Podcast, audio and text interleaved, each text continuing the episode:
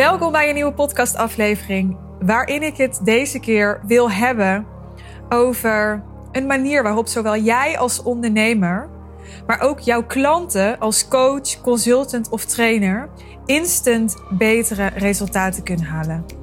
Het is niet heel fancy, het is niet een of andere hack, maar het werkt wel gegarandeerd.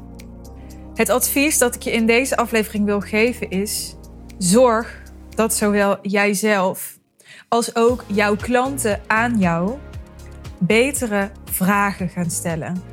De kwaliteit van de vragen die je stelt bepaalt de kwaliteit van je leven. Heb je die uitspraak wel eens gehoord? Nou, zo niet dan bij deze en zo wel, dan hier is je reminder. Ik heb nog nooit een klant gehad waarvan ik dacht, die kan niet nog betere vragen stellen. Dus ik acht de kans 99,8% dat ook jij betere vragen kunt stellen. Dat ook ik betere vragen kan stellen. En we vergeten dit. We vergeten dit in de gauwigheid, in de waan van de dag, uh, doordat we vooral bezig zijn met symptoombestrijding. Maar symptoombestrijding is een soort dweilen met de kraan open als je maar vragen blijft stellen die niet de beste vragen zijn om jezelf te stellen. Want dan krijg je namelijk ook halfbakken antwoorden en dan krijg je ook halfbakken resultaten. En dat kun je voor eeuwig blijven doen. En dat is als hakken met een bottenbel. Laat ik wat voorbeelden geven, want je hebt vast een soort praktische vertaalslag nodig van oké, maar hoe ziet zo'n goede vraag er dan uit? Het eerste wat me te binnen schiet, omdat deze heel vaak voorkomt, is de vraag: kun je hier feedback op geven? Ik stimuleer al mijn klanten om te vragen om feedback, om hulp te vragen. Daarvoor ben ik er, daarvoor zitten ze in mijn traject. Dus super goed als ze dit doen. En super goed dat ze met deze vraag komen. Maar wel voor mij altijd een uitnodiging om hen te stimuleren die vraag aan te scherpen. En herhaaldelijk leg ik elke keer opnieuw uit waarom dat belangrijk is. Want kun je hier feedback op geven is veel te algemeen. Als je een trouwe luisteraar bent van mijn podcast, zul je gehoord hebben dat ik vaker heb gehamerd op specificiteit, op kiezen. Um, kiezen is misschien wat anders dan specificiteit, maar het heeft allemaal te maken met wegblijven uit het algemene, wegblijven uit containerbegrippen. Dat geldt dus niet alleen voor je messaging, voor je marketing, voor je niche, maar dat geldt ook voor de vragen die je stelt aan je coach, aan je klanten en de vragen die jouw klanten stellen aan jou. Als een klant bij mij komt met de vraag: kun je er feedback op geven? Dan zeg ik: kun je met me delen wat je al hebt gedaan? Wat heb je al toegepast? Wat heb je al geïmplementeerd? Wat heb je geprobeerd hier te doen waar je graag feedback op wil? Wat is datgene waar je over twijfelt? Wat is datgene waarvan je denkt dat het al wel goed is? Wat is überhaupt je doel hiermee? Dus stel het is feedback op een tekst geef me dan de context. Zeg, oké, ik heb een sales page geschreven over dit en dit en dit. Mijn doel hiermee is om x klanten binnen te halen die me x bedrag gaan betalen. Binnen x termijn. Ik heb geprobeerd om hier de pijn te beschrijven en hier het verlangen en um, daar social proof toe te voegen en daar mezelf te kwalificeren en noem het maar op. Die context is allemaal nodig. En dan kan ik zeggen: oké, wat je hier geprobeerd hebt te doen, kan scherper op deze en deze en deze manier. Of hey, als je binnen x termijn x klanten wil binnenhalen met deze pagina, dan denk ik dat nodig is x, y, z. Dan kan ik gerichte feedback geven. Ik bedoel, stel iemand zou aan mij vragen: Hey Suus, wat vind je van mijn huis? Ik geef even een heel willekeurig voorbeeld. Dan zou ik ook denken, ja, wat vind ik van je huis? Eh, eh, wat vind ik van locatie? Wat vind ik van de inrichting? Wat vind ik van hoe die technisch in elkaar zit? Wat vind ik van de buren? Wat vind ik van de tuin? Wat vind ik van de ligging? Wat vind ik van de prijs? Wat, snap je? Er zitten natuurlijk zoveel aspecten aan een huis. Omdat, wat vind je van mijn huis? Is een hele algemene vraag. Waar je een heel algemeen antwoord op krijgt. Waar je dan vervolgens waarschijnlijk zelf iets uit moet vissen. Waar je mogelijk wat aan hebt. Dus je krijgt een veel beter antwoord en je kunt de informatie krijgen die je nodig hebt, waar je naar zoekt. Daarom stel je de vraag. Als je heel goed nadenkt, wat wil ik precies weten? En als je er ook over nadenkt, dat scheelt een hele hoop tijd en gedoe en ruis en miscommunicatie. Wat heeft die ander nodig om mij de informatie te geven die ik nodig heb? Goede vragen stellen heeft ook te maken met timing. Ik zal je een ander voorbeeld geven. Stel, je bent mijn klant en je hebt een branding video gemaakt voor je bedrijf. En hij is af, hij is mooi geworden, je bent er blij mee. En nu ben je benieuwd wat ik daar als jouw coach, jouw mentor van vind. Dus je stuurt mij die video, je zegt, Jo Suus, wat vind je hiervan? Ik zeg dan, wrong timing. Wat bedoel ik daarmee? Je betrekt mij dan pas heel laat in het proces. Namelijk als die video al af is. Het enige wat ik op zo'n moment nog kan doen, is of zeggen, nou hij is perfect, niks meer aan doen. De kans dat ik dat zeg is heel erg klein, want niks of niemand is perfect. Um, of ik ga zeggen, nou ja, hè, dit kan misschien anders, dat kan misschien anders, dit had misschien iets meer zus gekund, dit had misschien iets meer zo gekund. En daar heb je dan hooguit iets aan voor, de, voor een volgende keer. Maar je hebt waarschijnlijk vooral nu een kater, omdat die video al af is, er niks meer aan te doen is. Je er al een strik om hebt gedaan met die videograaf of wie hem dan ook met je heeft gemaakt. Dus dat heeft niet zoveel zin. Daarom denk ook na over de timing van je vragen. En dat doe je op het moment dat je gefocust blijft op je doel. Niet op je strategie. Heel veel ondernemers zijn heel erg gefocust op hun strategie. dus ze zijn bijvoorbeeld ehm, bezig om, eh, ik zeg maar wat, een, uh, een lancering te doen.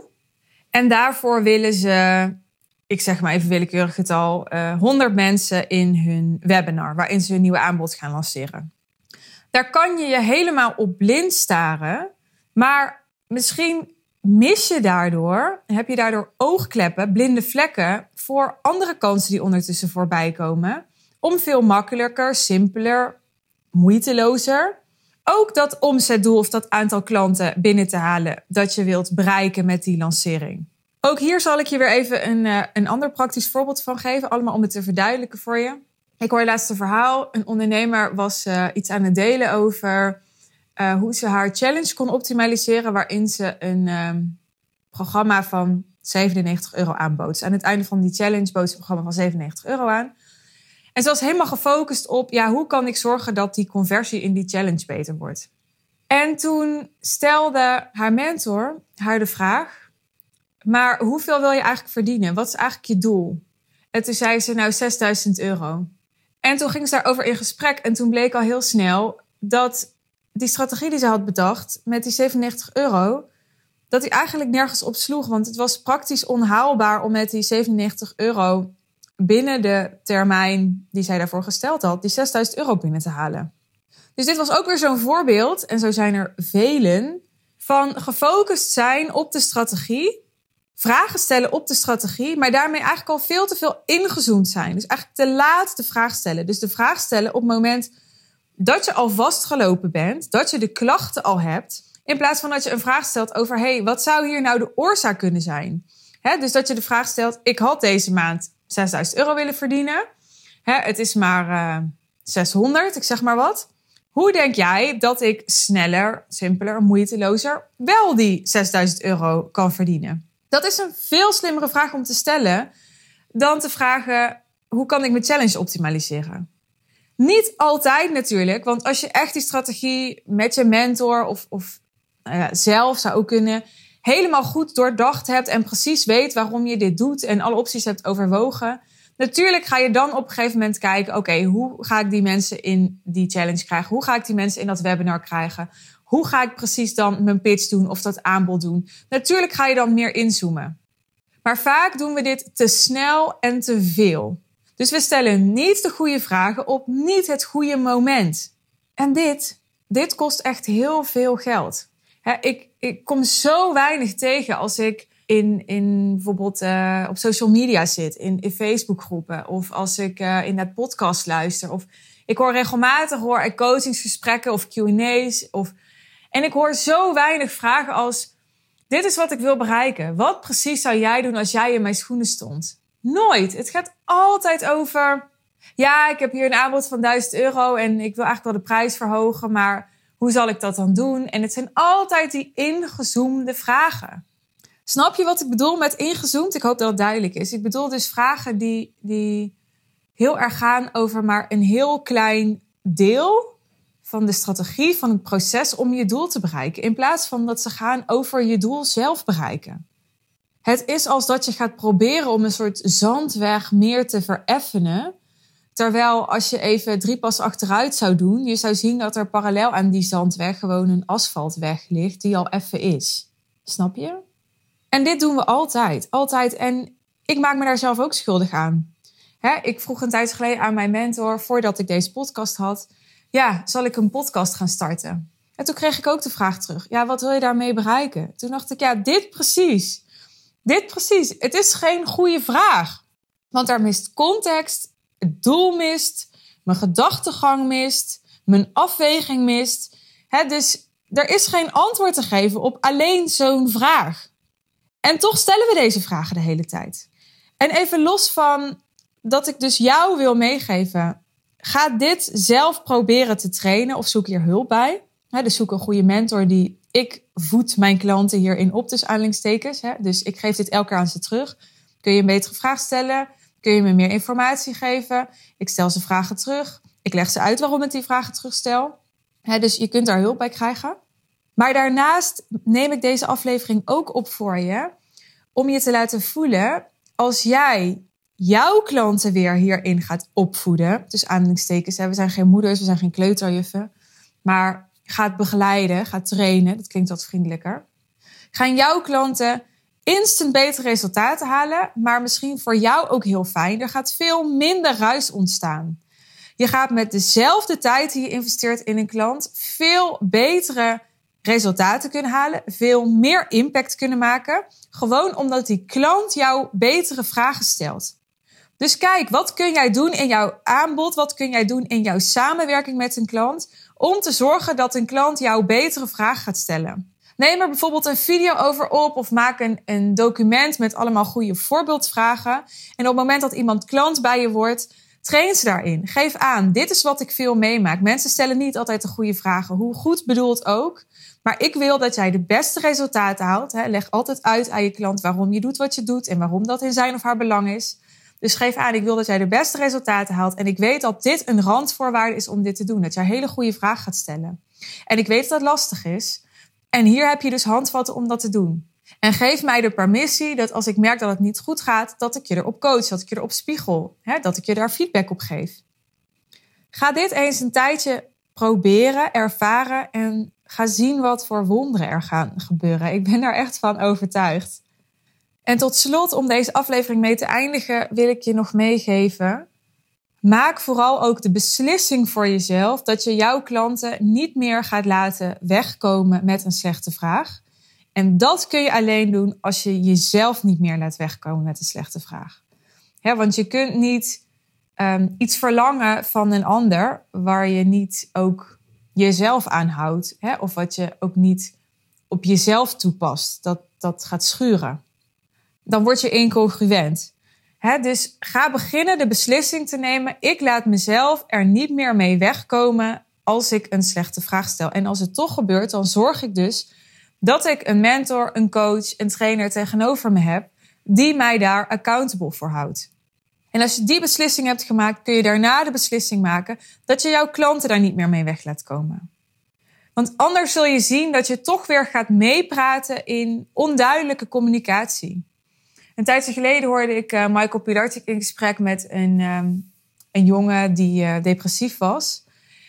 En Michael stelde hem de vraag: wat bedoel je eigenlijk met het woord depressie? Tot op zo'n niveau wil je aan jouw klanten vragen: wat bedoel je? Wat wil je bereiken? Wat is het doel? Wat zeg je nou echt?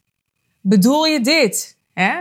Toets ook van dit is hoe ik het interpreteer, dit is hoe ik het lees, dit is hoe ik het hoor. Klopt dit? Is dit wat je wil?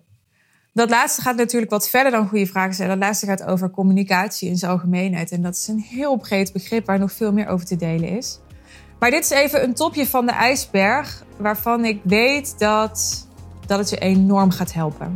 Laat het me weten als je hiermee aan de slag gaat, wat de resultaten zijn. stuur me even een DM, vind ik oprecht tof om te horen of lezen wat jij wil. Thanks dat je er weer bij was deze hele aflevering.